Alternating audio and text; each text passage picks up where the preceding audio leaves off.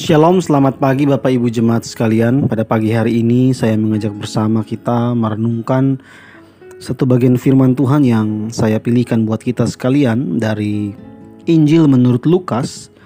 Lukas pasalnya yang ke-10, ayatnya yang ke-30 sampai dengan ayatnya yang ke-37. Demikian firman Tuhan.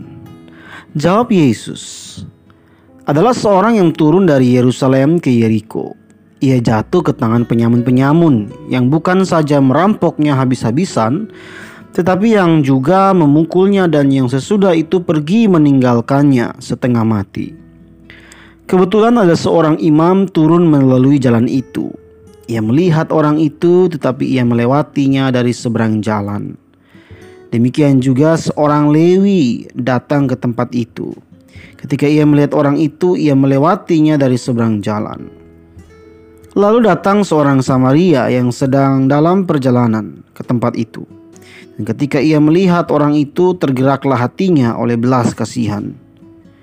Ia pergi kepadanya lalu membalut luka-lukanya, sudah ia menyiraminya dengan minyak dan anggur. Kemudian ia menaikkan orang itu ke atas keledai tunggangannya sendiri, lalu membawanya ke tempat penginapan dan merawatnya.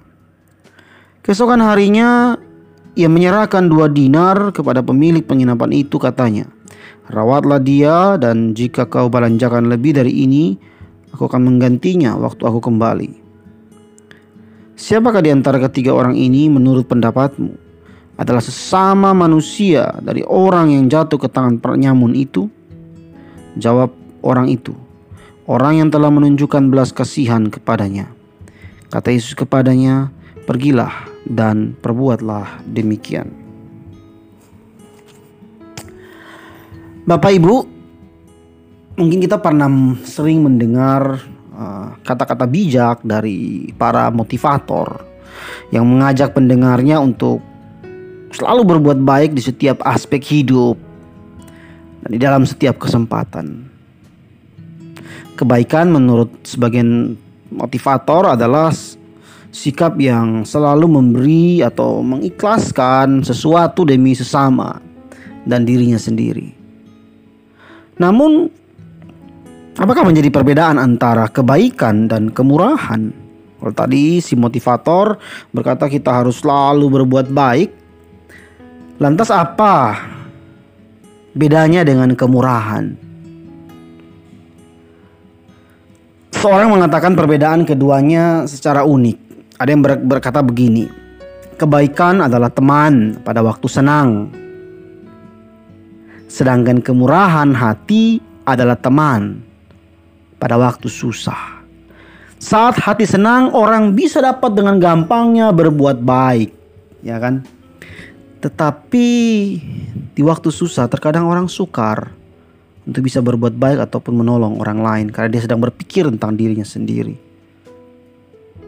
Tetapi kemurahan hati adalah teman pada waktu susah itu.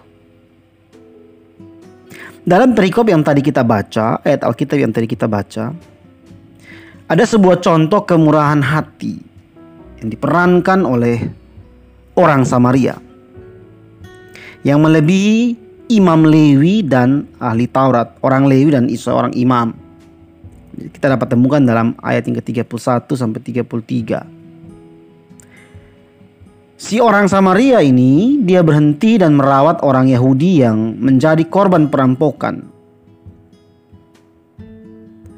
Di akhir cerita, Tuhan Yesus sebagai yang bercerita tentang kisah ini pun bertanya kepada pendengarnya.